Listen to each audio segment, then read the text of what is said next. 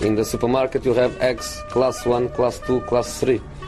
And some are more expensive than others and some give you better omelets. That's the wrong information. Wrong, wrong, wrong information. I didn't say that. That's the wrong information. Do you think I'm an idiot? Wrong, wrong, wrong information. Now look at me when I talk to you. Your job is to tell the truth. That's the wrong information. God fortsättning och välkommen till decenniets första Sillypodd. Eh, Patrik Syk är fortfarande på semester där han väl bygger att altan i kylan eller vad han nu gör för någonting och eh, likaså Patrik Bränning som pluggar kagglar i mittfältare för att vara redo tills de är tillbaka då.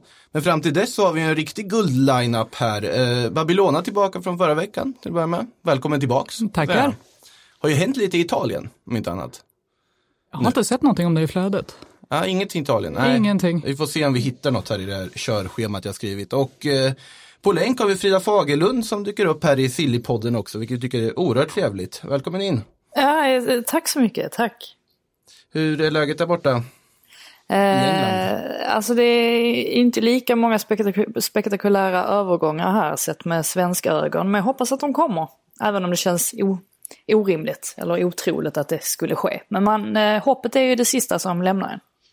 Får fundera lite här nu, finns det någon svensk som skulle kunna vara aktuell för en Premier League-flytt inom snar framtid? Alltså Championship-flyttar känns ju aktuellt varje år från allsvenskan liksom, men Ja, alltså det, det- jag hoppas på först och främst nu, eller det var ju, alltså Kulusevski, det gick ju något rykte om att Carlo Ancelotti var en oerhört stor beundrare av honom och att han möjligtvis kunde gå till Everton. Men eh, nej, det, det, det blev ju inte så. Eh, så jag, jag sätter väl mitt hopp till att Emil Kraft får spela lite mer un, nu under våren med tanke på att Newcastle har enorma skadeproblem. Ja, någon måste de kasta in så det blir väl kraft även om man inte imponerar sig jättemycket i början av Newcastle-tiden här får man väl säga. Eh, vi får se hur det går för Dejan Kulusevski som du nämnde här, för det, vi måste ju börja med att prata om det. Det här är ju faktiskt något av det största liksom missilväg som vi har upplevt i svensk fotboll på väldigt länge skulle jag våga säga. Alltså Dejan Kulusevski då klar för Juventus, stora Juventus. 365 miljoner kronor då, fast i euro, plus ungefär 95 miljoner i bonusar då baserat på prestation och så vidare, är det som då klubben betalar till Atalanta. Eh, nu har ju Kulusevski spelat i Parma under hösten där han har gjort supersuccé då i sin första riktiga Serie A-säsong. Och han blev även kvar i Parma under våren då. Även om Juventus ju försökte få honom direkt här nu i vinter. Det gjorde de väl rätt i. Eh, även om jag kan tycka att för honom så var det bättre att stanna kvar i Parma. Eh, och sen att de försökte locka med just Pjaka var väl kanske inte någon... eh, jag förstår att Parma inte var sugna kan man väl säga. Nej, han har ju varit haft skada och liksom var på väg tillbaka. Han har inte spelat på hur länge som helst heller, Piazza. Nej, så att det blir lite konstigt att försöka slänga in honom i dealen. Eh, när eh, Kulusevski har varit en av Parmas absolut bästa spelare ändå. Eh, men det blir alltså först i sommaren då som Kulusevski då går till Juventus. Eh, spontana tankar kring den här övergången?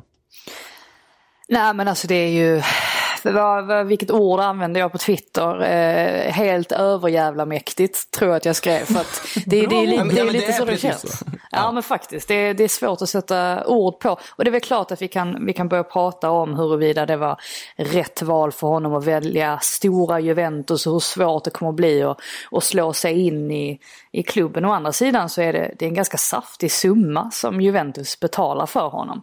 Eh, och med tanke på att han själv påstår att det var ett samtal med Sarri som gjorde att han övertygades om att välja Juventus så får man väl hoppas att det finns någon form av plan. Och än så länge så vet man ju inte riktigt vilken Sarris bästa formation är och det verkar han ju inte riktigt själv veta heller. Så att, eh, och med tanke på då att Kulusevski är väldigt flexibel och kan spela på många olika positioner så eh, hoppas jag och tror att eh, han kan slå sig in på sikt. Men om man tittar på liksom Juventus offensiva gruppspelare, alltså de hade ju ett överflöd som de inte lyckades bli av med under vintern nu. Eh, de valde att frysa in Mario Mandzukic och skeppa honom till Qatar. Nu då innan bäst före-datumet närmare sig då här i vinter. Men när Cristiano Ronaldo, Gonzalo Higuain har kommit till åren har vi bara pratat liksom centralforwards. Eh, Paolo Dybala är ju fantastisk men han ryktas ju ändå bort hela tiden av någon anledning. Sen har du ju då på högerkanten Bernadeschi som känns som Fast han är ju underpresterat, så där kan jag absolut se att... Ja men precis, det är ju spontant en spelare som Kulusevski faktiskt skulle kunna peta. Ja, det tycker jag. Mm. Jag tror inte att Juventus lägger de här pengarna på en spelare utan att ha en tydlig plan. De brukar vara väldigt bra på att matcha in dem långsamt, utan press. Och då kommer jag in i ett lag som med största sannolikhet har vunnit den nionde raka ligatiteln. Och kommer inte, det kommer inte vara liksom, han ska inte vara den som frälser dem. Utan mm. han kommer få spela, Sarri kommer ha en hel sommar på sig och jobba in honom i systemet. Eh, jag tror att det här var, en, det var ett intelligent val och ändå modigt att gå till den största klubben. Att han hade väl kunnat köra ett mellansteg, men han gör inte det. Eh, jag tror att det blir, tyvärr för alla andra klubbar som är inblandade, ett väldigt, väldigt bra val, både för Juventus och Kulusevski. Ja, det var ju Inter det också pratades om ja. i det här sammanhanget. Och där är det ju sagt att klubbarna då var överens. Mm. Eh, men att då Kulusevski, vilket jag kan förstå, i ett 3-5-2 kanske inte riktigt såg sig själv eh, lika tydligt där. Som man gör i ett 4-3-3 då med Sarri. Ja, han har behövt ta ett helt annat defensivt ansvar. Man ska spela på en av de kanterna liksom. Det är ju mer wingback-roller. Och det är ju inte det han ska göra. Nej. Uh, jag tror att man hade försökt få in honom som en Metsala, att han skulle få lira med en av de tre mittfältarna då. Men jag tror han har gjort rätt val. Mm. Nej, men det känns ju otroligt häftigt måste jag säga. Jag tycker det där är överjävla mäktigt. Där det är precis så det är. Jag tror att bara man tittar på den höst han har haft, den impact han har haft på så kort tid och få Juventus att agera på det här sättet. Det är inte liksom vilka som helst. Juventus planerar sina värvningar ganska väl, funderar ut länge och sen plockar de på fri transfer, eller på att säga, efter, efter de har liksom scoutat. Och det här det är otroligt stort också att en sån klubb med så mycket spelare som finns att välja på och särskilt på en offensiv position säger han är det vi ska ha, vi plockar honom och gör det också. Och dessutom vill ha in honom direkt i laget. Så att, eh, vad tror vi då, hur kommer man lyckas? Säga att han petar Bernadeschi, vad ska man hoppas på Dejan Kulusevski i Juventus?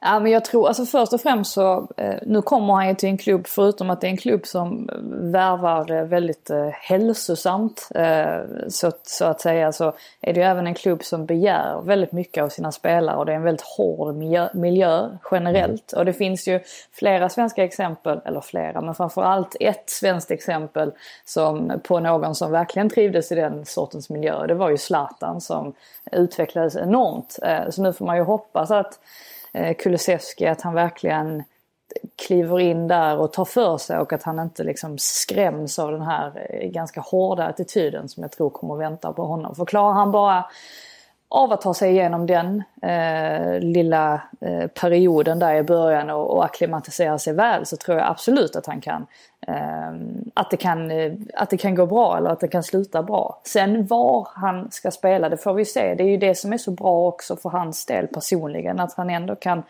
eh, spela som ytter och eh, trekartista och, eh, och så vidare och alla möjliga sorters positioner. Vilket ju också ger honom fler eh, valmöjligheter såklart. Eller som ger Sarri fler valmöjligheter rättare sagt.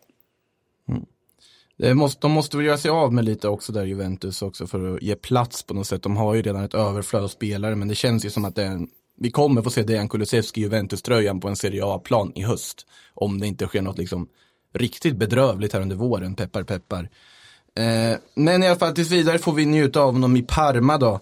Och någon annan svensk vi får njuta av i Serie A-tröja är ju faktiskt Zlatan Ibrahimovic. Idag presenterades han ju av Milan då, den här återkomsten och hade presskonferens och så vidare. Och någonting jag lade märke till där att han verkade verkligen genuint glad. Alltså på ett sätt man inte har sett Zlatan på väldigt länge, att han var genuint lycklig att vara tillbaka i AC Milan på något sätt. Ja, det var väldigt tydligt tycker jag. Mm. Eh, det här genuina glada leendet, eh, han fick ju en enorm, alltså det var massa fans som väntade, de sjöng, det var, jag tror att det är väldigt bra för hans ego också, förutom det att han känner sig väldigt hemma i stan och i klubben och får den här bekräftelsen som han får där, att han är ju utan tvekan den största stjärnan i den klubben nu. Uh, och det ska bli jättespännande att se två enorma egon, han och Cristiano Ronaldo i samma liga. Uh, där det var eh, redan häromdagen när han drog ut den här bilden om att ödmjukhet på sina fötter efter att Ronaldo sagt att han är den bästa spelaren i Serie A. Det kan bli lite skön pajkastning där tror jag också. Jag måste nästan hoppa tillbaka nu i och för sig när du nämnde Cristiano Ronaldo. Hur tror ni Cristiano Ronaldo kommer hantera Dejan Kulusevski? För nu ska de ju faktiskt dela omklädningsrum här och dela offensiv dessutom efter sommaren. Blir Cristiano Ronaldo kvar ytterligare en säsong då? Bra fråga i och för sig. Det, vart skulle han annars gå tänker jag? Jag tänker så här, om de nu skulle vinna Champions League, Mm. att han kanske då rör sig vidare mot USA eller något annat. Ja, om hans utveckling den här säsongen har ju snarare tytt på att vi faktiskt till slut börjar närma oss någon sorts vägs ände på Cristiano Ronaldos liksom, dominans. Tillsammans med Messi. Messi har ju fortsatt att bara pika uppåt men Ronaldo har ändå haft en väldigt tydlig dipp här under den här hösten. Sen är vi vana vid att säga det här om Cristiano Ronaldo väldigt Och sen ofta. i februari, Så avgör han hela Champions League med att cykelsparka in och göra en massa hattrick och sånt. Så vi, vi kan ju inte räkna ut honom, men ändå så är, finns det ju en sån tendens på något sätt med han. ja, han och Sarri har väl inte alltid sett superglada ut på varandra heller under säsongen. Sen är frågan om Sarri då, det är ju det är väldigt många om här, men Mm. allt beror ju lite grann på hur det går i Champions League skulle jag vilja tro det. Men jag, ja, Nej, intressant. En liten passus tillbaka till Kulusevski, men åter nu, Zlatan alltså. Vad, ska, kan jag ställa samma fråga här, vad förväntar vi oss av att Zlatan Ibrahimovic kan göra i Milan? Han pratar om att han ska förändra, att han ska lyfta det här laget. Ganska ödmjukt för att vara Zlatan ändå, tyckte jag liksom ändå att jag vill lyfta mina lagkamrater och så vidare till bättre spelare. Drog en gliring till Nocerino, vilket var mest roligt tyckte jag, men det kändes ändå lite mer ödmjukt än vad Zlatan kanske brukar vara i ett sådant här läge. allting är väl relativt. Han sa väl också att han inte känner till en enda spelare i laget. Ja, fast Theo Hernandez nämnde han och Piontek nämnde han, men det var väl efter att journalisten hade nämnt dem. Så att Ja, säga. ja, men för de frågade lite så här, vilken Ja. spelare kan du se få en sorts Nocerino-effekt? Och då var det så här, ja, nej men jag vet inte riktigt vad, vilka det är som spelar och hur de spelar. Så att, Mm. ja, kanske. Vad säger Frida då om Zlatan i Milan? Kommer du följa Serie A med järnögon nu här under våren? Det, det är väl det alla hoppas på men eh, jag tycker väl fortfarande, eh, liksom eh, många med mig, att Kulusevski till Juventus är en aning mer spännande än Zlatan tillbaka ju till. Milan. Men, men med det sagt så, det är så intressant för att varje gång folk frågar liksom, ja men hur bra är Zlatan nu för tiden? Så kan man ju inte riktigt svara på det för att man vet inte riktigt. LA Galaxy och MLS är ju vad det är. Um, Det är inte riktigt eh, samma typ av kvalitet, det är inte riktigt lika tufft och, och med tanke på att det, det var inte allt för länge sedan Zlatan drog på sig den här skadan eller kom tillbaka från, från den svåra skadan. Så att det är ju väldigt svårt att veta vad han, eh, alltså hur mycket han har kvar. Sen, sen vet vi ju att han, liksom Messi, eh, nästan blir bättre och bättre eh, för varje år som går. Men någonstans så måste det väl ändå ta slut, tänker man. Ehm, så att jag är ju oerhört spänd på så vis och se vad han kan göra i Serie A. Alltså om, han, om man kan ta sig tillbaka till, till den formen. Och det hade ju inte förvånat någon om han gör det. Om han kliver in där och gör succé. För det är ju så det brukar vara. Han snackar en massa men han backar också upp sitt snack oftast. Eh, men nej, det är svävande svar men det får bli så just nu. Ja, men det är verkligen så att han kommer nog ge en kortsiktig effekt i Milan, det vågar man nästan säga, på ett eller annat sätt. Så att, mm men det är väl också lite svårt att göra det sämre än vad anfallen har gjort hittills i Milan. Så jag tror att han absolut kan ge ett lyft rent tekniskt. Sen vet jag inte som sagt fysiken, ingen aning. mm, nej, jag tror inte vi kommer få se honom gå ut och festa med Rafael Leao och gänget. Det, känns... Förmodligen inte. Nej, det känns lite tveksamt i alla fall. Så det, det, på den fronten så blir det väl lite mer professionalism i Milan också. Det kan ju behövas sett till hur de har sett ut. Eh, om vi går vidare, det var ett tag sedan vi spelade in här och sedan vi spelade in det senaste avsnittet av denna fina podd så har ju faktiskt Erling Braut Haaland hittat ett ny klubb. Så vi måste nästan prata lite om det. Dortmund blir det alltså för Erling Braut Haaland. Som vann dragkampen betalar 20 miljoner euro då i den officiella transfersumman åtminstone då. Och eh, ja, vad, jag är lite förvånad ändå. Med Mino Raiola som agent, att han Håland ändå tar ett så här pass, på pappret ändå till synes klokt beslut, eller? Ja, nej, men jag, jag tycker absolut att det är, det är ett oerhört sunt eh, beslut. Och eh, det har ju snackats om att, eller Manchester United har ju påstått lite sådär indirekt att det var Mino, Mino Raiola det föll på. Eh, och att det var anledningen till att han inte gick till Manchester United. Men när jag pratade med en norsk kollega som har väldigt god insyn i hela affären så sa han att det var bullshit i princip. Eh, det här mm. var ett, ett, eh, ett rent strategiskt val av Holland. Att han kommer ha bättre möjligheter att lyckas och ha en bättre utvecklingsmöjlighet om han går till Dortmund. Och det känns väl inte helt eh, orimligt. Um, Alltså Paco Alcacer, han snackas ju, snackas ju om att han ska lämna. Eh, han är ju inte så nöjd med situationen i, i Dortmund. Han, han vill i alla fall lämna nu efter att Haaland har, eh, har blivit klar. Ehm, så att eh, där finns ju absolut en, en lucka för honom att fylla också i Dortmund just nu. Så att ehm, nej, det, det, det är nog ett bra steg för en 19-åring, det tror jag. Mm.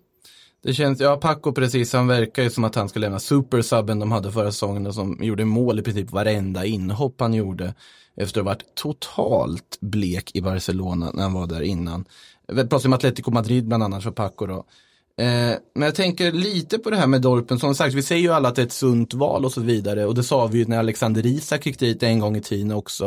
Och det har sagts att det är en klubb som förädlar talanger på ett väldigt bra sätt. Men jag skulle vilja slänga in en liten brasklapp här att det känns ändå som att det finns så pass många talanger i en sån klubb att man på något sätt hamnar liksom i ja, bara liksom kölvattnet av alltihopa. Nu tror jag inte det blir som med Håland för han har så pass starkt namn och sån stark status redan nu att han kommer gå in och spela. Han skulle inte vara till den här klubben annars. Men jag tänker till exempel på Isak, jag tänker på Emre Mor när han var där, den gamle eh, turkiska dansken som spelade där och nu tillbaka i Galatasaray istället. Eh, så jag är lite tveksam till hur enkelt steg Dortmund är. Nu tror jag för Håland är det ett bra steg, men i, i övrigt så vill jag bara slänga in den här lilla brasklappen här. Ja men problemet är ju att alltså, i och med att, att Paco, att det har sett ut som det har gjort för honom eh, på sistone så har ju, alltså Favre har ju inte haft så många valmöjligheter egentligen. Han har ju ofta spelat med Royce eller Götze som en falsk nia eh, mm. eftersom att han inte har haft någon riktig striker i, i laget. Så på så sätt så kan man ju tänka sig att tanken är då att Haaland ska komma in och så ska han fylla den eh, positionen. Det är ju det som får en att tänka att eh, här finns det säkert en, mm. en väldigt väl utvägd eller upplagd plan. och sen jag, jag vet, jag, jag nämnde Isak också för min norska kollega när jag pratade med honom om just det här med mm. no någon som, som inte lyckades speciellt bra. Då tittade han bara på mig så sa han, ja fast Håland är ju ganska mycket bättre än Isak. så att, man var nöjd ja. han måste ha varit när han sa det också kan jag tänka mig. Ja men precis, så där, där blev man tyst. Det var inte så mycket att säga just då. Nej. Nej, det är svårt att säga emot den ändå med tanke på den leveransen han har haft. Jag minns uh, nu i somras innan Erling Braut Haaland blev ett namn som folk kände igen så gjorde han var nio mål i någon U20 VM-match där som blev någon artikel här som var nio mål på en match. Nu mötte de typ, jag minns inte vilka var, Fiji eller någonting eller något sånt där. Så att det var ju inte så här övermäktigt, Honduras kanske var typ med, men inget övermäktigt motstånd i alla fall. Men ändå bara nio mål på en match, det, det är ganska sjukt. Eh, vidare då, nu tänker jag dra en segway här för att det är Salzburg som Håland kom ifrån och Salzburg har ju skeppat Minamino till Liverpool som väl snart kommer få göra debut också kommit in i då på i Liverpoolklubben och börjat träffat truppen och tränare och alltihopa. Och det, Huang Yikan ryktas ju också lämna i den här fronttrion de har haft. En annan anfall som tidigare lämnat som är ett litet tecken på vilken succé det ändå kan bli när man går från Salzburg, det är ju Sadio Mané. Och eh, franska Ledi Sport, eh, jag säger ingenting om trovärdigheten på den källan, men de har ju sagt då att Real Madrid har hört sig för om en sommarövergång för Sadio Mané. För att eh, Zinedine Zidane har ju beundrat Sadio Mané ganska länge, velat ha in honom i Real Madrid ganska länge. Och nu ska man ställa en fråga och eh, frågan som jag ställer då är det ens lönt att försöka värva över en Sadio Mané från Liverpool? Eh, alltså ja, det, det, tycker jag på ett sätt. Eh, för att jag har eh, väldigt svårt att säga att någon skulle vilja lämna Liverpool just nu. Eh, med tanke på hur, hur bra det går för dem och mm. Eh, hur de liksom bara fortsätter och, och, och blir bättre. Sen är det klart, saker och ting kan ju förändras. Alltså vi, det, vi kanske får en helt annan situation om, om några månader om, om det kommer in eh, nya spelare och så vidare. Alltså, eller eh, Mané inte är helt nöjd med, med Klopp. Alltså att de, de hamnar i någon... Alltså det kan ju hända hur mycket saker som helst. Men just nu mm. så eh, kan jag absolut inte se eh, att en sån övergång skulle ske. Jag förstår inte riktigt varför Mané skulle vilja, skulle vilja lämna i ett sånt här läge. Nej, det är väl alltså Liverpool har ju byggt upp någon status där man man faktiskt inte vill gå från Liverpool i det här läget. Förr i tiden man backar bandet så var det ju ändå ett steg upp att gå till Real Madrid eller Barcelona och så vidare. Idag är det ju inte riktigt där för Liverpool är ju ett bättre lag. Eh, så att, men om man tittar längre fram, för Liverpool måste väl börja ändå rotera och förnya förr eller senare. Man får ju se hur länge den här dominansperioden kommer fortsätta. För det är väl där också frågan är, precis som du säger, att man vet ju inte vad som kommer hända i framtiden. Ja, nej, men, nej, precis. Alltså, det är där vi hamnar. Tystnaden bara. Vi bara konstaterar, Sadio Mané kommer ju inte ens gå nästa sommar, känns det ju. Alltså. Inte i dagsläget va? Nej. Däremot Christian Eriksen och Jan Fertongen.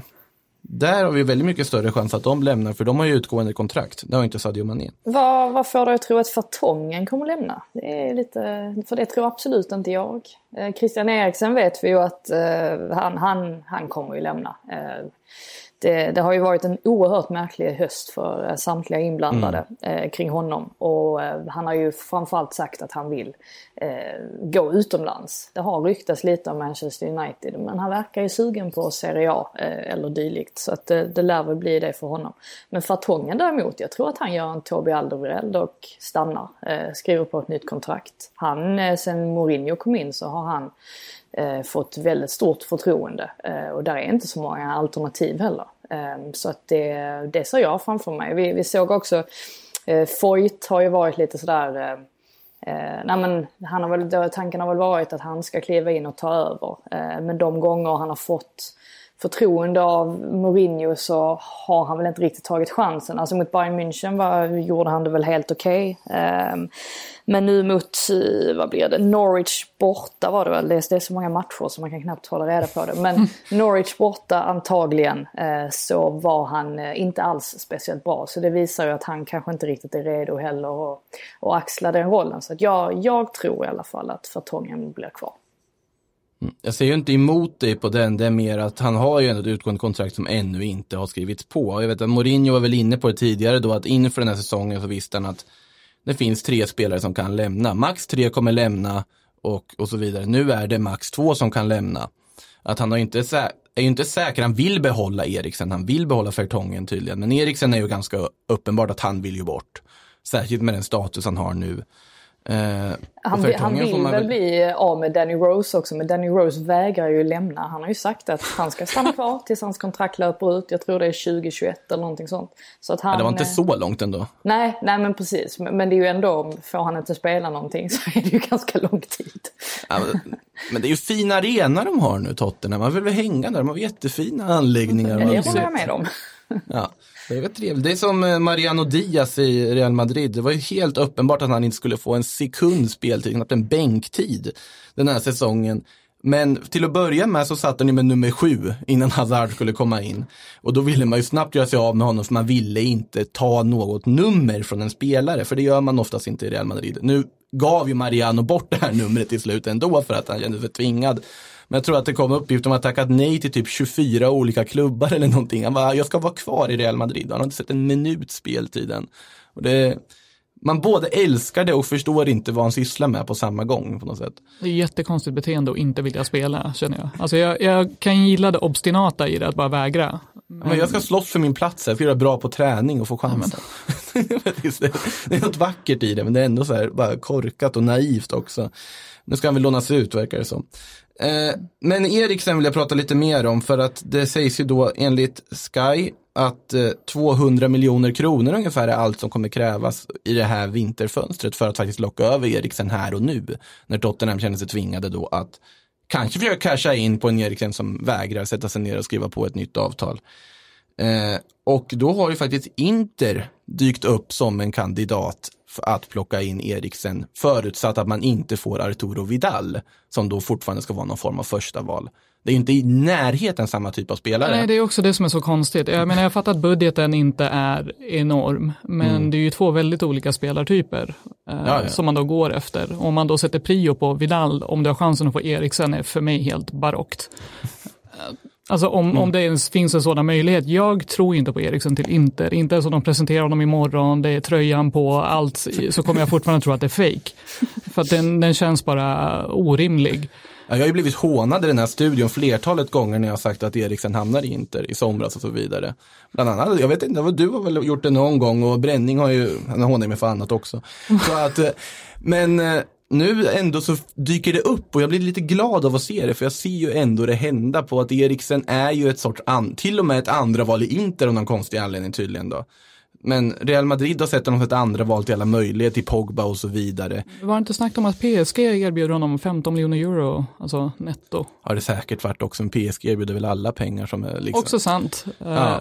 Men jag menar, jag tror att det är lättare för Inter att försöka plocka honom nu än vad det är i sommar. Precis, och därav att man nu har börjat förhandla i och med att i, på en sommar då kommer ju Juventus så fort det kommer en fri transferövergång man kan Nej. göra och så vidare. Exakt, och förutom Juve då, eh, om det nu är så i Italien så är det klart att det blir Juve i så fall. Eh, Men jag tänker förutom då, då kommer de här riktiga pengaklubbarna in och kan kasta pengar på honom som Inter inte kan göra. Kan man däremot slänga in en transfer deal så behöver du inte ge honom en helt orimlig lön. Att eh, ska 20 miljoner euro till Tottenham, ja, vet du vad, då får du 12 eller vad han nu kan få.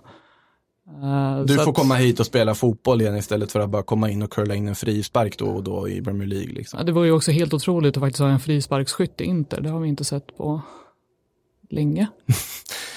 Ja, det, det, det kan han ju, slå frisparkar Eriksen. Vad, vad tror du Frida om Eriksen? Du sa att han är säker på att han lämnar, var tror du han hamnar? Det är ju svårt att gissa med så många klubbar som är inblandade. Men... Ja, nej, men alltså min känsla har väl också varit alltså Serie A. Eh, att liksom Real Madrid-spåret har, har svalnat ganska rejält sen i somras. Sen är det ju det är en svår sits för Tottenham också med tanke på att de har ju inte spelare i överflöd heller. Eh, så ska de då eh, sälja honom nu i januari och casha in lite grann i alla fall. Eller ska man eh, försöka övertala honom att stanna till sommaren och sen så får han dra då. eh, Och använda honom under våren. Alltså det är ju en det är en balansgång för dem också. Eh, det hänger väl egentligen på vad han själv, vad han själv vill. Han måste ju även, vi har ju sett det vid tidigare tillfällen, att han har en tendens att bli lite, bli lite loj om han inte är motiverad och sådär. Men nu smällde han ju in en hyfsad frispark här mot, mot Norwich eller vad det var. Så, där finns ju fortfarande lite, och, lite att ge. Eh, så att eh, nej, det, det blir oerhört intressant att se vad som, vad som händer. Det skulle ju kunna bli en, alltså om de vill ha in en halvloj spelare som kan vara lite publikfriare så är ju Barbosa oönskad i Inter. Så man skulle kunna köra ett... Exakt, Gabi, jag, jag vägrar säga Gabigol, alltså det är bara, det är ett sånt vidrigt smeknamn. Men jag menar, kör man det bytet då? Den ena oönskad i Tottenham, den ena extremt oönskad i Inter. Liksom bara skeppar den ena till London, den andra till Milano och så är alla nöjda och glada. Ja, om förutsatt Och Kane är skadad. Sen frågan är vad Mourinho skulle tycka om att ha Barbosa i laget. Någon som inte är känd för att träna hårt eller jobba hemåt.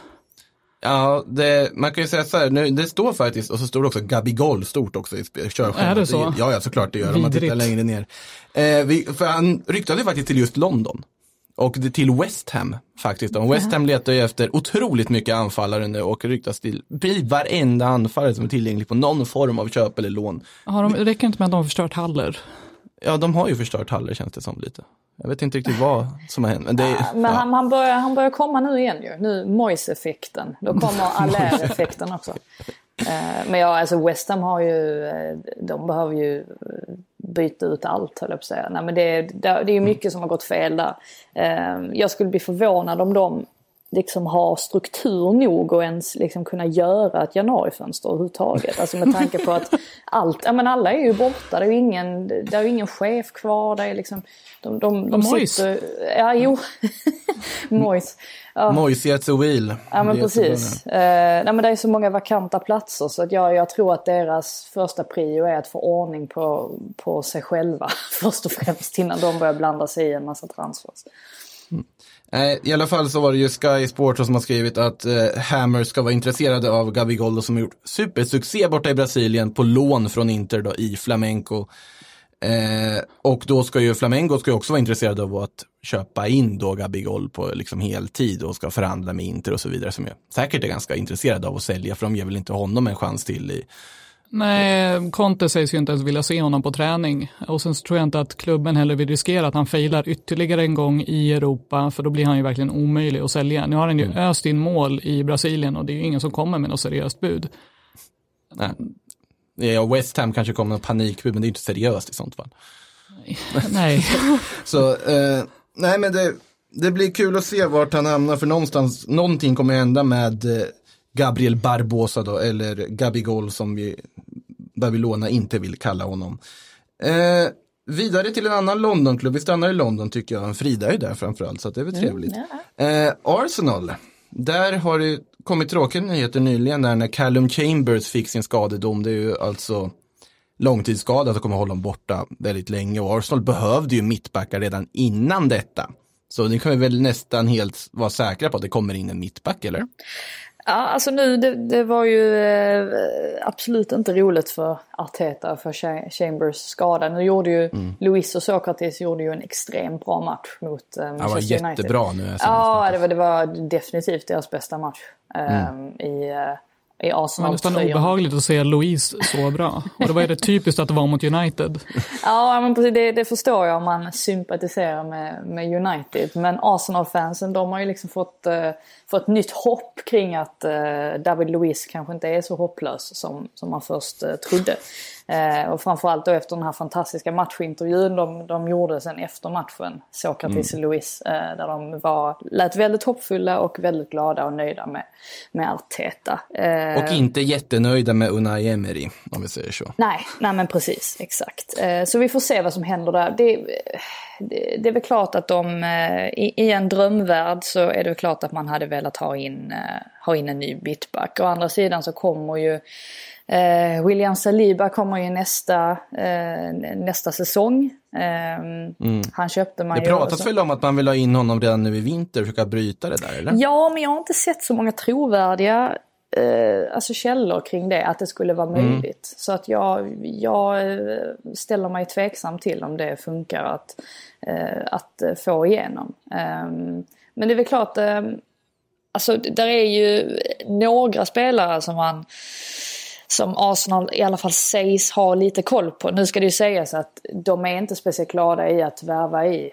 i januari eh, generellt. Eller, alltså det, det, är väl det styrelsen har kommunicerat att man helst inte gör. Mm. Å andra sidan så är det en liten speciell situation nu också. Eh, för det första så har jag Teta ändrat spelsystem så tillvida att man tänker sig att det kommer säkert komma fler skador också. För att nu spelar de ju otroligt intensivt eh, och med väldigt mm. aggressivt pressspel. Och eh, man har ju sett att lag som går över till att spela en sån typ av fotboll mitt under en säsong tenderar att få lite mer skador. Men eh, Upamecano är ju en, en spelare som har nämnts, eh, eller ett namn som har nämnts. Och det Precis. hade ju inte varit helt eh, helt dumt för Arsenal och få honom mm. redan nu i januari. Eh, men det ska ju helst vara någon som kan kliva in och, och, spela från start som inte behöver någon speciell, speciellt lång startsträcka. Eh, för att det är ju här och nu de behöver eh, fixa till saker. Det är väl därför man också valde att i det där läget i somras ta in en David Luiz som ändå, oavsett hur hopplös man förväntade sig att han skulle kunna vara, så är det ändå en spelare med rutin som har spelat på de största scenerna och kan ändå komma in med någon form av vinnarmentalitet liksom till laget. Han har ju varit med länge liksom. Och det har inte alltid varit en usel mittback om vi säger så. Nej, eh. och sen har jag ju tyvärr fått fått väl börja inse att eh, Dinos Mavropanos är kanske inte en sån stjärna som jag hoppades när han skrev på för några år sedan. För, för Wengers skull, det var ju Wengers sista, Wenger och Miss Lintats sista värvning. Då tänkte man att måtte nu Mavropanos bli nästa stora stjärna. Det verkar inte som att det kommer att hända. Så att, eh, nej. Eh, det hade kanske varit bra med ett nytt namn in. Arteta var ju lite tvetydig när han fick frågan här om liksom vad Arsenal kommer göra i vinterfönstret. Man kan förvänta sig att Ja, vi kommer ju såklart titta på varje alternativ för att det finns ju saker vi måste åtgärda. Men samtidigt, vi måste vara realistiska. Det är inte mycket vi kommer kunna göra. Att till exempel om vi tar till exempel Dayo Upamecano i Leipzig. Finns ingen anledning för Leipzig i det här läget när de leder Bundesliga med Bayern som har krånglat och faktiskt har chans att vinna sin första titel. De spelar i sin första Champions League åttondelsfinal. De kommer ju hålla i Upamecano tills liksom sommaren i det här läget, för de måste ju hitta en ersättare annars. Han är ju så pass viktig för dem att det är väldigt svårt att se att man ska släppa honom för någon form av liksom realistisk transfersumma. Eh, däremot andra namn det pratas om, det är ju faktiskt samma namn som det pratas om i somras. Daniele Rugani är fortfarande på tapeten av någon oklar anledning. Eh, Men och, varför skulle man vilja in honom? Han har inte spelat, när spelade han sist? nej, därav oklar anledning. Att, Alltså att han ens ryktas någonstans förstår jag inte. Ja, men någonstans måste han, han kan inte sitta i Juventus. Jo men då känner jag liksom Arsenal, ja, plockar man verkligen in Rogani när man vill ha in någon som kan prestera här och nu. Den, den känns bara väldigt konstig. Det känns väldigt fel ja. Eh, Därav att det var, kändes otroligt oklart. Däremot Nathan Ake känns ju något vettigare i sånt fall. Någon mittback som har kan Premier League, kan ligan för att säga det klassiska, varit där ett tag och nu också med Bournemouth som inte alls har gått särskilt bra. De har ju för sig en nedflyttningsstrid att tänka på som de har spelat. Men där det finns många andra intressenter också som är på gång och det finns ju den här optionen som då Chelsea sägs ha på 40 miljoner pund eh, för att då plocka in en Nathan Ake redan nu här i vinterfönstret. Eh, samtidigt så Arsenal är ju ett lag då som behöver en mittback. Sen har vi Tottenham, vi har Manchester City, vi har Everton som då enligt eh, engelska medieuppgifter tittar på Nathan Ake. Vad säger du Frida om Nathan Ake? Eh, nej men saker och ting förändrades ju när Chelseas registreringsförbud eh, hävdes. Så är det ju. Eh, och när de sålde Aki så, så var ju det var ju väldigt motvilligt. Eh, och det var ju inte för att de ville bli av med honom. Så det, och det var ju också därför den här klausulen förhandlades in. För att de kände väl på sig att här kan vi gå miste om en, om en riktigt, riktigt fin talang. Eh, och ska Chelsea agera så måste det ju ske nu. Ehm, och det är ju inte helt otroligt att det blir så, även om de ändå har fått bukt på sina försvarsproblem nu.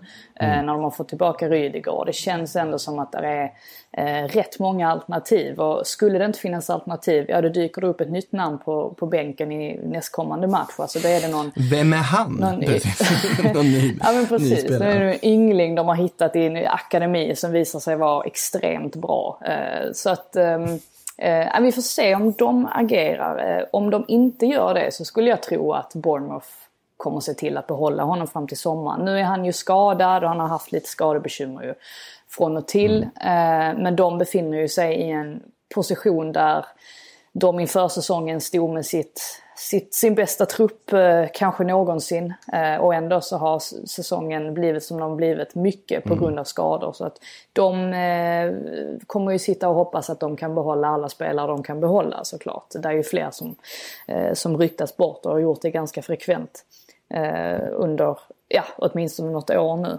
Eh, annars är det ju Manchester City som också har nämnts i spekulationerna att de skulle vara intresserade. Eh, Men det är väl lite där vi står just nu tror jag. Eh, antingen blir det Chelsea eller så blir det ingenting fram till sommaren.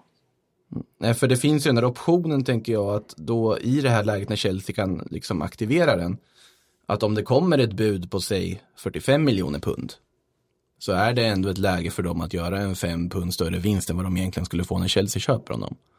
Ja, nej men absolut. Alltså Bournemouth måste väl också... Jag tror att det kommer hända mycket i Bournemouth eh, under 2020. Jag är inte riktigt säker på att Eddie Howe kommer bli kvar. Eh, han har varit där väldigt länge och nu har ju på något sätt det börjat ta ut sin rätt. Och man ser att det kanske är en klubb som behöver göra någonting annat. Eh, som det är ibland. Det betyder ju inte att Eddie Howe är en dålig tränare. Det är mer att Nej. han har gjort, han har krämat ur, ur max, alltså lite som Pochettino i, i Tottenham. Um, Så att, um, nej, vi får, vi får se hur det blir. Men som sagt, jag tror även att den här skadan som, som Aki har just nu, det, det, det gör ju också att det känns mindre troligt att han lämnar. V- vettigt att poängtera också att det är Aki såklart för det är en apostrof och inte Ake som jag sa Ja, tidigare. han är ju inte engelsman heller, man luras lite av det för man tror ju att han är engelsman. Ja, det är ju det. Eh. Nathan också. Ja men precis. Ehm, Så att ehm, Eh, men han är ju född i Holland. Så att det är väl eh, därför man uttalar det så. Helt enkelt. Sannolikt. Eh, när vi ändå är inne på Chelsea då, vi pratar om det, det dyker upp nya okända människor i det här laget hela tiden från akademin och man väntar ju på att Lucas Piazon ska få sin chans efter tio års lån, eller har de gjort sig av med honom nu kanske till och med? Det är något sånt där, ja i alla fall. Eh, Chelsea jagar dock nya spelare oavsett och eh, Moussa Dembélé från Lyon har det pratats om. Anfallare då, inte att förväxla med annan Moussa Dembélé som tidigare spelat i Premier League. Eh, det ska finnas ett bud på 40 miljoner euro som eh, Chelsea då ska ha gett till Lyon enligt Sky Sports. Och eh, det tackades nej till. Och Lyon drog till och med ut en officiellt uttalande om intresset kring Dembélé i sann Jean-Michel Aulas anda. När man säger att klubben har fullt förtroende för Mossa och räknar särskilt med honom att bygga ett framgångsrikt lag under säsongerna som kommer. Otroligt Aulas svar att bara, nej, glöm att ni rör Moussa Dembélé och sen får han väl dubbla priset för honom väl när han säljer till slut. Man är ju bra på det där. Ja, och det är väl den positionen som Chelsea är i starkast behov av att eh, få in någon på. Eh, alltså Tammy Abraham har ju fått dra ett ganska stort lass mm. eh, med tanke på att eh, Frank Lampard verkar eh, verkligen inte föredra Giroud. Och eh, han är väl lite sisådär kring Batshuayi. Eh, Batshuayi har gjort några matcher där han har kommit in och, och det har blivit en effekt. Tänker inte minst på Ajax borta där Batshuayi Pulisic kommer in och vänder matchen. Så att uh, där har ju liksom funnits ljusglimtar men det märks ju att han inte har det här förtroendet för honom som, som väl mm. krävs. Så att det vore ju inte helt otroligt uh, att de uh, letar runt nu febrilt efter någon som kan ja, joina Abraham i det, i det facket. Um, och Giroud kommer ju garanterat lämna. Det, det, jag ser ingenting annat, inte med tanke på vad Deschamps gick ut och sa nu nyligen där han menade att om Giroud vill spela EM i sommar så då måste han ju gå till en klubb där han får spela, så enkelt är det. Så först nu reagerar Deschamps? Det har ju liksom varit väldigt många år av Olivier Giroud i landslaget när han inte alltid Absolut, får spela så mycket. Absolut, men han, han, blir ju, han blir ju äldre också. Sen, samtidigt ja. så har han ju faktiskt, alltså förra säsongen under Sarri så fick ju Giroud ändå spela mm. Alltså mer än vad man kanske hade trott från början. Medan Lampard har varit helt eh, totalt liksom, nej absolut inte. Giroud spelade ju en match, det var väl mot West Ham hemma. Eh, som slutade med förlust och han gjorde inget, inget större avtryck. Ehm, så att eh, nej, han, han har nog gjort sitt i Chelsea skulle jag tro. Han eh, ryktas ju till West Ham också, Oliver Giroud. Det gör även Michi Batshuayi på tal om. Alla ska till West Ham. Alla ska till West Ham, men det, det är precis det är samma sak. Ja. Ja, det är precis som vanligt att de, på någon anledning så lyckas de liksom ha något form av behov där de ska ryktas in till alla spelare som är tillgängliga. Men det är ju en fin tradition ändå tycker jag. Ja, det är en jättefin tradition tycker jag också. Eh, men vi kan ju skicka Gabriel Barbosa till Chelsea då. Ja, absolut. nu vart det tyst. Jag bara försöker föreställa mig honom också, där med Lampard som är det här typiska engelska, liksom att det är eh, lagbyggandet och liksom, eh, nej, jag har svårt att se det. Det har vi nog ganska svårt att se allihopa. Det var otroligt spontant ut, utkläckt. Känns i så fall mer troligt med, med Everton. Det känns som att eh, Ancelotti är, är, lite bättre på att hantera den typen av eh, egon generellt. Faktiskt. Mm. Ja, det lät ju faktiskt inte helt dumt att skicka honom till Everton. Eh, nu hoppar jag lite här i mitt körschema, det är bara jag som har det framför mig ändå. Så eh, nu är jag ändå kom in på Everton, för en annan spelare som har ryktats till Everton är ju James Rodriguez. Ja, det är klart han har. Ja, han har ju naturligtvis det nu när Carletto har tagit över rodret där och eh, James sitter ju i den situation han sitter. Men nummer 16 på ryggen, denna nummer som fanns kvar när Real Madrid inte lyckades sälja spelare i somras. Och gjorde det jättebra när han fick spela i början av säsongen men har varit skadad efter det. Nu alltså är det Everton som sägs rycka i James Rodriguez. Vad säger vi, är det någonting för Everton att jaga på eller borde de titta på annat? Ehm, alltså eh, Everton har ju lidit lite på, på mittfältet framförallt. Det var ju, mm. eh, alltså i somras då var de ju på jakt efter en mittback. De tappade ju Zuma där i, i sista stund. Eh, som återvände till Chelsea. Eh, men där känns det väl som att fokus har flyttat nu till mittfältet eftersom förutom att de tappade Gay där i somras till PSG så eh, blev det givetvis värre när André Gomes skadade sig också. Eh, Så där har de ju lite behov av, av spelare. Och jag, jag tror väl lite att, eh, alltså det sägs ju att Ancelotti hade en del krav när han skrev på för Everton eftersom att det, är en, det var en typ av klubb som han inte eh, vanligtvis hade tackat ja till. Eh, och det var ju ett av kraven att han skulle få värva spelare som han vill ha in. Och eh, det är väl klart, alltså Chamez kan säkert vara en sån spelare som... Jag tror i och för sig att alla spelare som har någon form av koppling till Ancelotti kommer ju nämnas nu under januari. Alltså till Everton. Zlatan Ja men nämndes precis, vi har, ju, vi har ju redan avverkat Zlatan exempelvis. Eh, Mm. Men det är väl inte omöjligt att eh, Ancelotti kommer få som han vill i alla fall. På några punkter. Sen, eh, sen får man ju se liksom, vad, vad det resulterar i. Men jag, jag tror definitivt att de kommer öppna plånboken i alla fall. Känns ju spontant som en drömvärvning om man skulle få igenom den och Chamez skulle gå med på att gå till Everton av alla klubbar. Ändå. Alltså sett i kvaliteten som den spelaren ändå fortfarande Ja. besitter. Jag tror att det skulle kunna bli en bra värvning. Han har ju en underskattad work rate också, förutom det han gör framåt, så tror jag att han skulle kunna funka bra. Men också när André Gomes är borta, då har vi någon form av kreativitet. Det är det man har saknat liksom på det här mittfältet. I, när eh, Idrissa Ganagay försvann så har du fått in Gubbamin som jag tycker väl ändå finns ett visst sparkapital där. Att han har sådana kvaliteter, att han kan ta en sån roll. Om man skulle få liksom, ja, bara komma igång, det finns ju en startsträcka där också. Men Chames, om man får in det, är ju en fantastisk värvning skulle jag säga. Eh, om vi pratar just tior då, offensiva kreatörer och så vidare, så har vi Manchester United också som skulle vara i behov av en sån. Man har ju roterat Jesse Lingard och Andreas Pereira på den positionen här under Solskjaer på sista tiden. Och det är ju inte så här jättehöjdare. Eh, och det är två namn som då Independent skriver att man tittar på. Det är Jack Grealish som ju var briljant för övrigt nyligen här för Aston Villa. Och eh, James Madison från Leicester. Vem av dessa skulle ni välja om ni fick välja? Ja, alltså det är inte svårt, eh, höll jag på att säga. Eh, jo, eh, det är det ju. Eh, ehm, Men vi, vilket håll är det inte svårt åt? Nej, säger men grejen är, jag hade ju gått för James Madison. Problemet är Mm. att det kommer aldrig, aldrig, aldrig, aldrig kunna ske under januari. Och dessutom så kommer ju Leicester begära ganska mycket pengar för honom också. Eh, jag tror De att... har satt standarden Ja. på priserna liksom. Nej, men precis. Jag tror alltså absolut det är en position där, där United behöver förstärka, helt klart. Men jag tror ju definitivt att efter eh, Pogbas nya skada nu eh, på vristen Mm. eh, samt skadan på Scott McTominay så är det trots allt eh, en sån typ av mittfältare som man är i större behov av just nu. Alltså någon som eh, kan bilda centralt mittfält med Fred. Eh, nu har ju Matic fått spela de senaste matcherna och det är Mm. ju Han har ju varit bra. Ja, absolut. det är, Alltså, förvånande liksom, att man, han, är, han har ju presterat. ja, det, men det, det är nog inte vad, vad Ole Gunnar, vad han, vad han föredrar att spela. Han, han var ganska tydlig med det också på senaste presskonferensen. Att, han, eh, att det är ett tufft läge, det kommer många matcher för United nu och eh, man skulle såklart behöva en spelare på den positionen. Eh, det finns ju källor i United som säger att det skulle inte förvåna dem om de inte värvar en enda spelare under januari.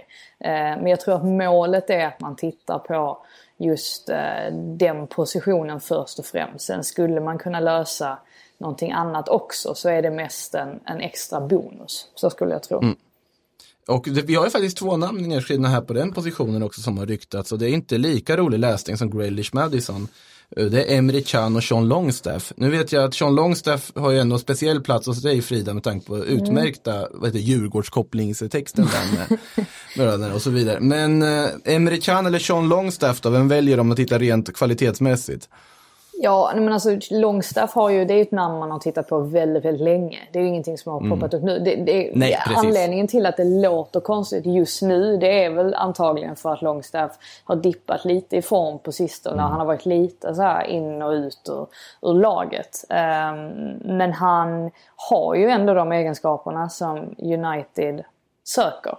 Eh, och nu, nu är det inte jag som, jag, jag försvarar inte honom bara för att jag eh, tycker om honom väldigt mycket. Utan, eh, så, så är det helt enkelt. Så är Eh, sen Emre Can är ju såklart, då hade du fått in en spelare ju, som kan gå rakt in i en startelva i Premier League. Och förhoppningsvis göra det bra med tanke på att han har gjort över 100 matcher i, i ligan. Så att, ehm, jag tror inte det hade varit helt dumt ändå med Emre Can. Ehm, jag tror Juventus vill jag ut honom också. Ja men precis, där finns det ju faktiskt en affär att göra som inte skulle kosta hur mycket som helst. De vill ju slippa den löneposten, de är lite för många där. Mm. Eh, så att, Det, det är ju en smart värvning på så sätt kortsiktigt. Det skulle nog vara billigare än att försöka få över Sean Longstaff från Newcastle i det här läget också. ja men frågan är ju hur, eh, han är ju ganska skadebenägen också, Emre Can. Så plockar du in ytterligare en mittfältare som kan gå sönder efter en match, då riskar du ju också. Ja, precis. Jag tror inte man ska underskatta heller att Chan nog väldigt gärna vill spela EM i sommar. Ehm, och med tanke på att han inte får så mycket speltid längre så vore väl en utlåning eh, inte speciellt otrolig. Nej, han, han, vill, han kommer ju lämna Juventus nu. Jag förstår inte varför han inte gjorde det i somras eller varför man inte satt pushade för att sälja honom. Men det gick väl inte att sälja på något Ja, sätt. Alltså han han, eh, han vägrade ju. Han vägrade. Han vägrade ju de alternativ som... Han Alltså gjorde de, Mariano. Jag tror inte han fick den lönen när han eh, Ah. har i Juve. Eh, Att det var mycket det som det skrevs om, i alla fall i Italien, att han, eh, de alternativ som eh, kom då var inte lockande rent pengamässigt. Och sen ska han väl ha blivit lovad Champions League-spel också. Och det, det, det, det höll de ju inte, det löftet. Så, så då var han väl inte sådär speciellt nöjd. Men ja, han, får- han får nog söka lyckan någon annanstans. Ja, han kommer ju lämna Juventus. Om inte nu i vinter så kommer han göra det efter att han har eh, spenderat ännu mer tid i frysboxen där då i Turin. Eh, tänkte i och för sig, Paul Pogba måste vi ändå nämna. Nu får han ju den här skadan igen. Och eh, det känns väl ändå som att den kommer, om Pogba vill lämna så kommer den ju fruktansvärt olägligt. Ja, helt klart. Eh, Mm. Och att det dessutom är en ny skada. Alltså det är inte samma skada som han Precis, hade innan. Eh, och att han måste opereras och det innebär ju självklart då att han blir borta minst Ja, det blir minst en månad i alla fall, kan man väl tänka Mm. sig. Eh, Det är ju fönstret. Ja, nej men precis. Faktiskt. Och det är ju på, givetvis även ett stort avbräck för United. För att de hade ju desperat behövt honom eh, just nu. Så att... ehm, nej, det, han, han blir väl kvar på grund av detta. Eh, men att han skulle bli kvar sen i sommar, det, det, det tror jag inte. För att det verkar ju trots allt som att han inte riktigt trivs fullt ut. Det har det ju inte känts som han har gjort på väldigt, väldigt länge om vi säger så. Ja. Eh, samtidigt i Lissabon sitter Bruno Fernandes och undrar vad som ska hända med honom och gör mål och assist fortfarande där borta. B- bara värt att lägga in eh, en spelare vi pratade om väldigt mycket i somras. Någon vi inte pratade om så mycket. Ja, eller? men där kan man bara, man, kan- man kan bara s- nämna där, alltså just med Fernandes, alltså då har ju faktiskt Tottenham nämnts en del. Eh, Har de honom. nämnts igen? Ja, för att eh, Mourinho, han har ju hintat lite kring, han är inte dum Mourinho. Han fattar ju hur han ska, eh, hur han ska få fart på grejer. Eh, Och han har ju ständigt upprepat den här eh, övergångssumman kring Fernandes som alldeles för hög. Alltså nu kommer jag inte ihåg exakt vad den ligger på, men det är väl, eh, det är väl mellan 40 och 50 miljoner, någonstans där. Pund, ja. Ja, ja pund, exakt. Eh, Minst det. Ja men precis, någonstans där. Och, och har ju hintat ganska öppet om att nej, men den, den summan är för hög. Alltså det kommer inte hända någonting för att summan är för hög. Och så har han liksom försökt, försökt påpeka detta väldigt ofta. Och det är väl antagligen för att han mycket väl vet att Sporting sitter i en ganska prekär situation rent ekonomiskt. Och måste nästan sälja Fernandes snart. Eh, för att få in de pengarna. Så att eh, det kan kanske möjligtvis hända någonting där. Man vet aldrig. Intressant är att du nämnde Mourinho precis här för det kom en, någon form av push-liknande sak i telefon här som berättar att José Mourinho expects Kane to face a lengthy layoff after hamstring blow. Så vi kanske kan Barbosa. Ja, vi tar in Barbosa igen här. Eh, så, men, nå- ja, så det kan ju komma in en anfallare kanske också. Men nu är inte Bruno Fernandes en anfallare, men Ja, oavsett då. Men, ja men alltså det är, anfallare har de ändå. Jag, jag tror ju, nu ska jag försöka, liksom min Dinos Mavropanos eh, signing så, så, så säger jag att eh, Troy Parrott kommer få sitt stora genombrott under våren. Eh, Oh. Kom ihåg vad ni hörde Spännande. namnet. Troy Parrott ja. Ja. Eh, fi- finns ju en viss groda på Twitter som tjatar om Troy Parrott hela tiden. Så där har man ju sett det dyka upp. Okej. Så, eh, I alla fall. Eh, vidare då. Eh, Dani Olmo. 21 år gammal. Han hänger i Dinamo Zagreb och eh, han är fostrad i Barcelona och nu så verkar det som att han vill hem till Barcelona och Barcelona också vill ha hem honom. Han säger här, jag är glad att Barcelona vill ge mig möjligheten att återvända hem, har han sagt i en katalansk tidning då, El Sportillo. Och han vill, är hans mål att spela EM med Spanien och då måste han spela i en bättre liga än den kroatiska. Eh, Dani Olmo vet jag inte hur mycket koll ni har på, kanske han var ganska fin, liksom i U21-landslaget och så vidare i Spanien. Men frågan var om han skulle komma in i Barca, för det känns som att över, mittfältare har de ju. Liksom ett överflöd av. Så, har de verkligen det? Det är ju inte många som är hela, tänker jag. Nej men alltså man har ju kastat Carlos Alenia, eller alltså lånat ut honom till Betis. Säg att Vidal är på väg ut efter att ha stämt dem och allt det här också. Ja precis. Då har Som du... han förlorade va? Stämningen tror jag. Att, Ja, har han gjort det också? Jag tror det. Ja, det jag tror jag läste någonting om det. Att, Ja, i och för sig, ja, då har du Rakitic, du har Busquets, du har Frenkie de Jong.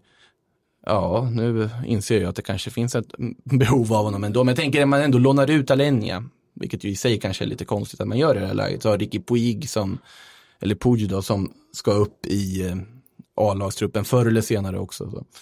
Får se hur mycket speltid han skulle få för att kunna spela i ett EM om han går till Barca. Men Barcelona, de tittar ju på lite allt möjligt och deras plan för 2020 då, enligt spanska medier är en mittback för att avlasta Gerard Piqué, lära sig av Gerard Piqué och ta över efter Gerard Piqué samt en forward som då ska göra ungefär liknande med Luis Suarez. Och på mittbackspositionen så kommer det lite namn som är lite förvånande för min del i alla fall. Bland annat Christensen från Chelsea. Eh, Milenkovic från Fiorentina och mindre förvånande Diego Carlos från Sevilla, succébrassen där som har spelat. Vad säger vi om de tre namnen och kan de gå in i Barcelona?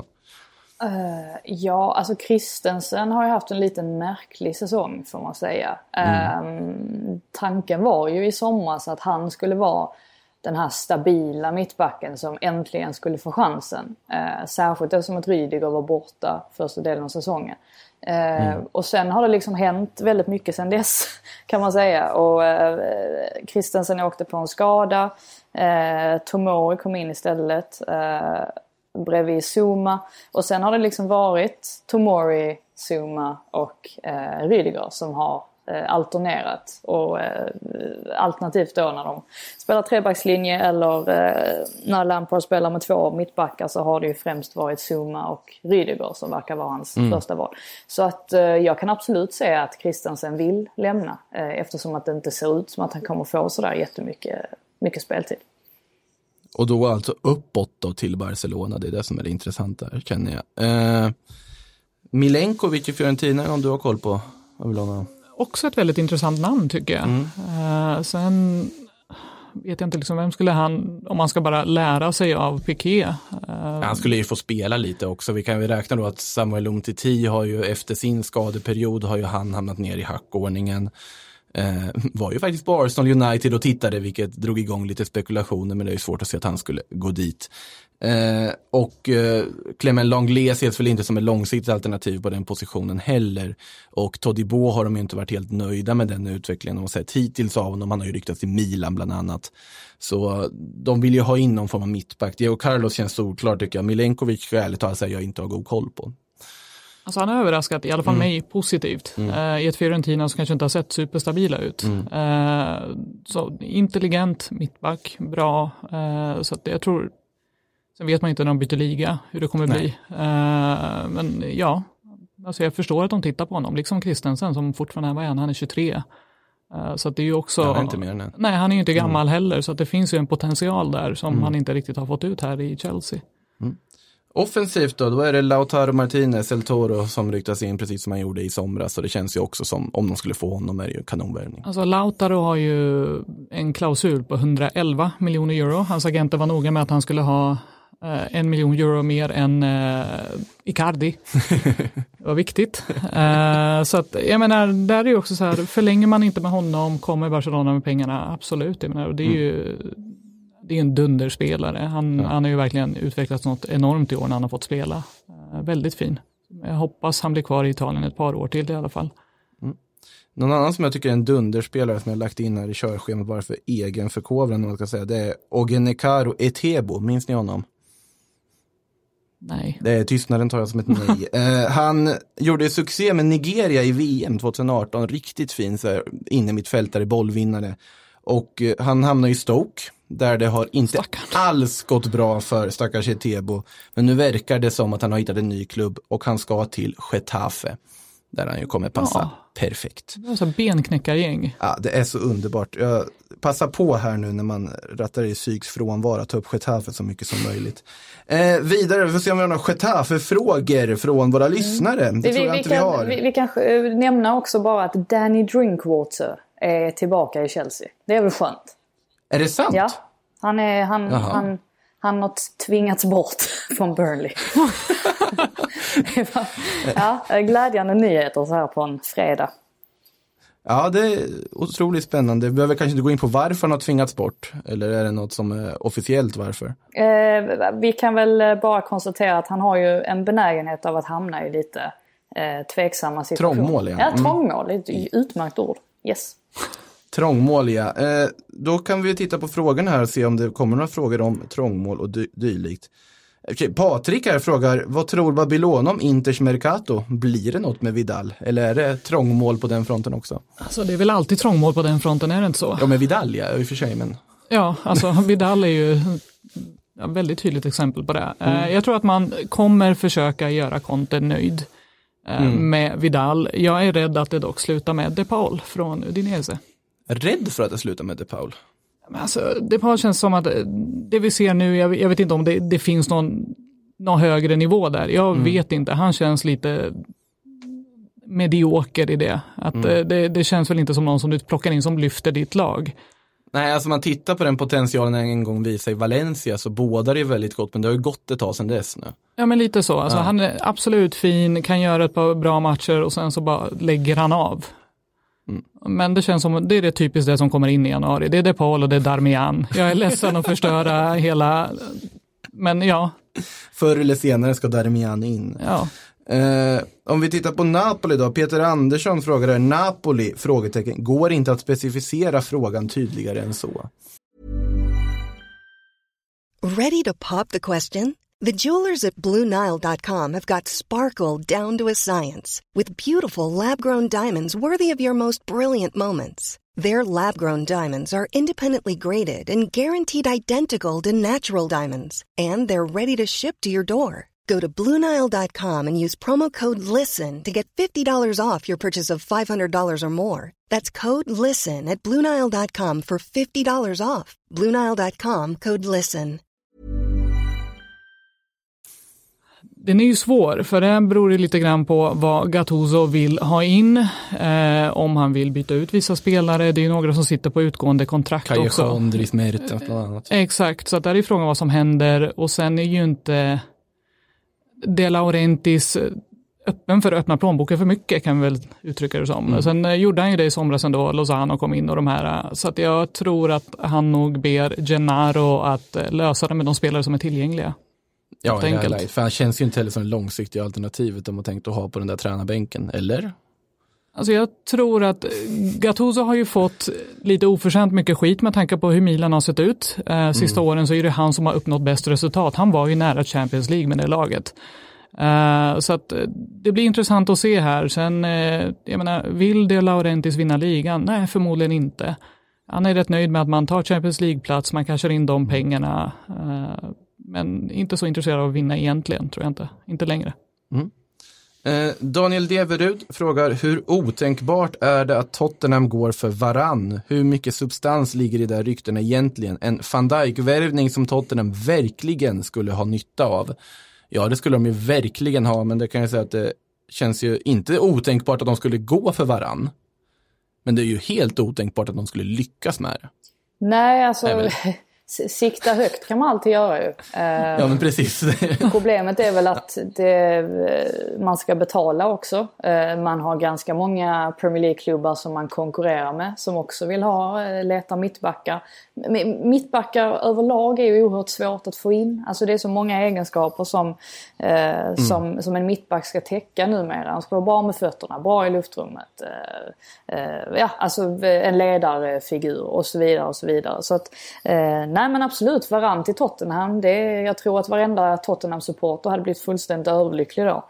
Eh, sen känns det Ja, väl de, inte troligt. de hade ju räknat som en titel. ja, nej men precis. Ja, men alltså allvarligt talat. ja, eh, Men det finns väl ett par spelare på utgående kontrakt här i sommar. Du har Bailly till exempel. eh, Thiago Silva, inte för att jag tror han byter klubb här i, i vinter, men det finns väl ett par mittbackar som ändå man skulle kunna plocka in som panik. Ja, ja absolut. Det, Rugani. Nej. Eh, vidare här då. Eh, jag måste bara ta upp det i och med det här just prata om att det är svårt att pricka rätt på mittback. Eh, 80 miljoner pund för Harry Maguire, 80 miljoner pund. Tänkte bara att ni skulle få ett gott skämt i mörkret och få skratta lite. Nu tycker jag ändå man är elak mot Harry Maguire. Det har ändå gått ett halvår bara. Eller? Han är kapten efter ett halvår i klubben. Ja, då har han gjort intryck åtminstone. det bara suckar.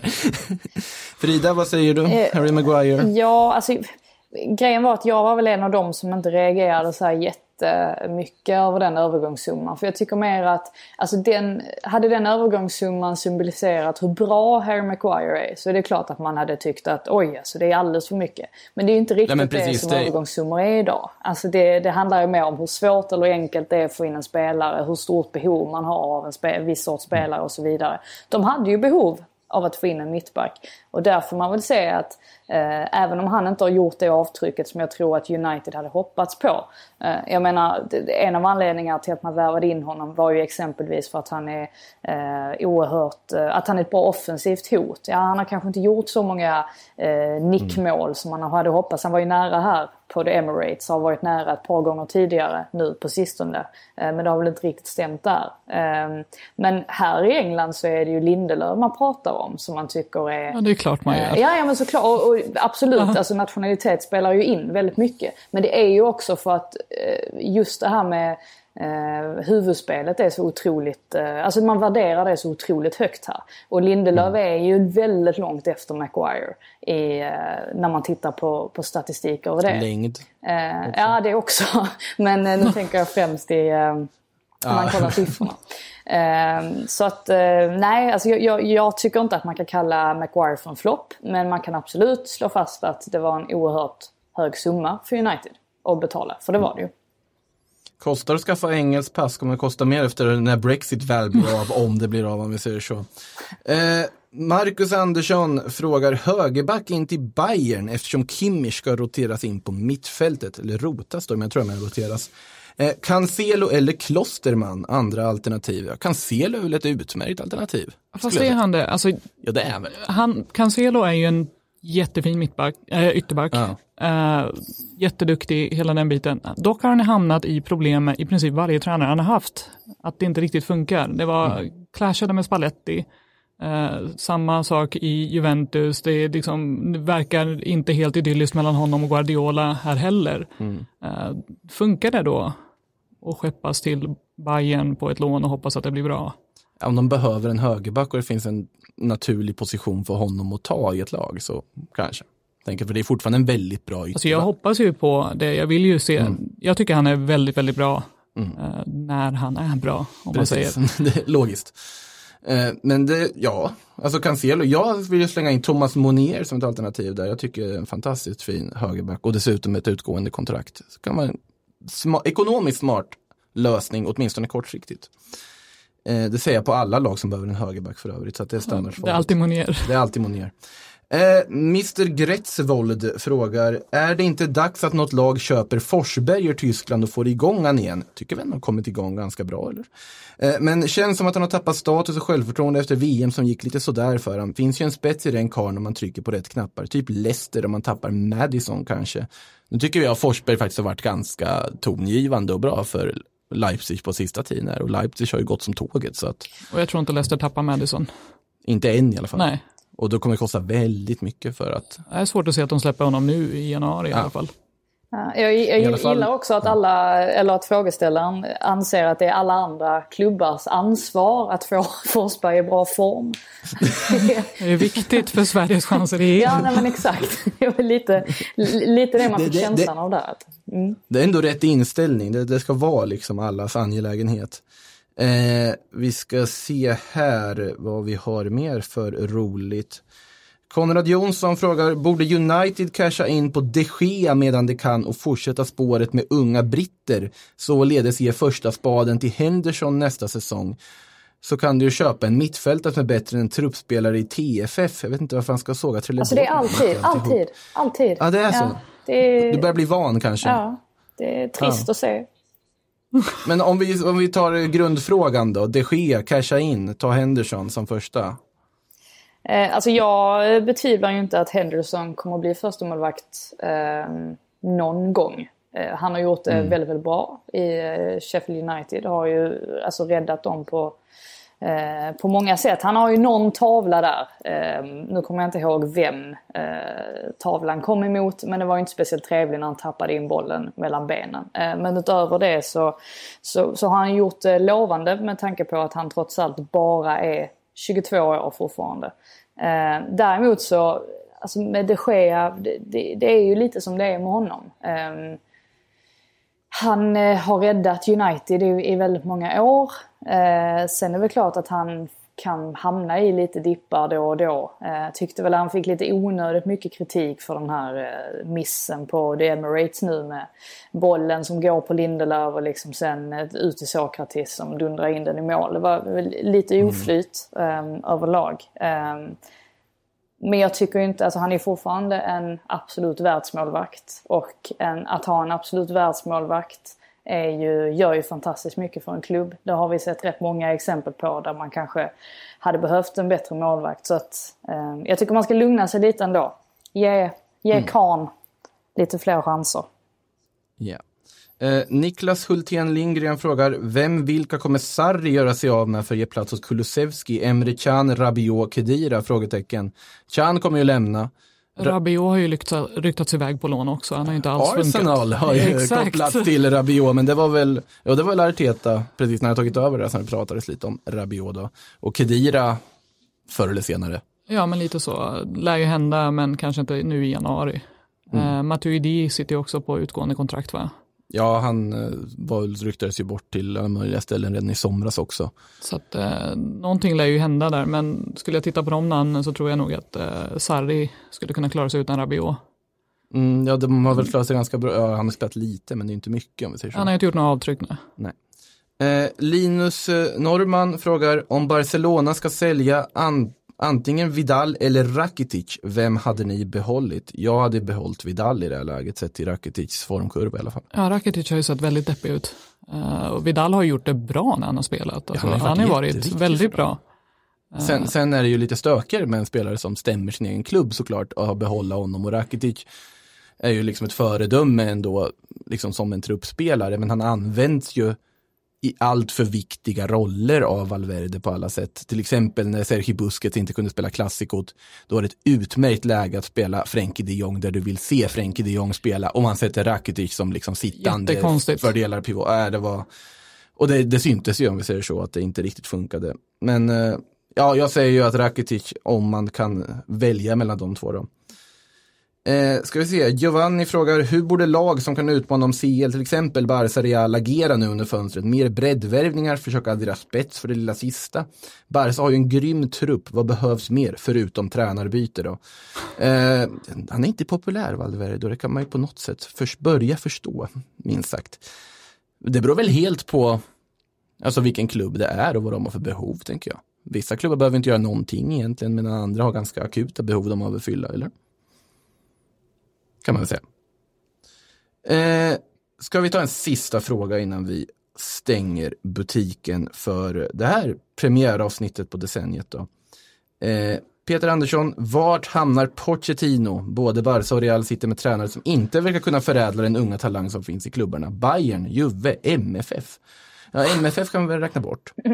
Ja, Men, ja, eh, men i övrigt så var, känns inte Bayern som ganska troligt Pochettino-alternativ till sommaren. Han kommer väl sitta och ta det lugnt och liksom njuta av livet nu under våren antar jag. ja. Det borde han ju göra.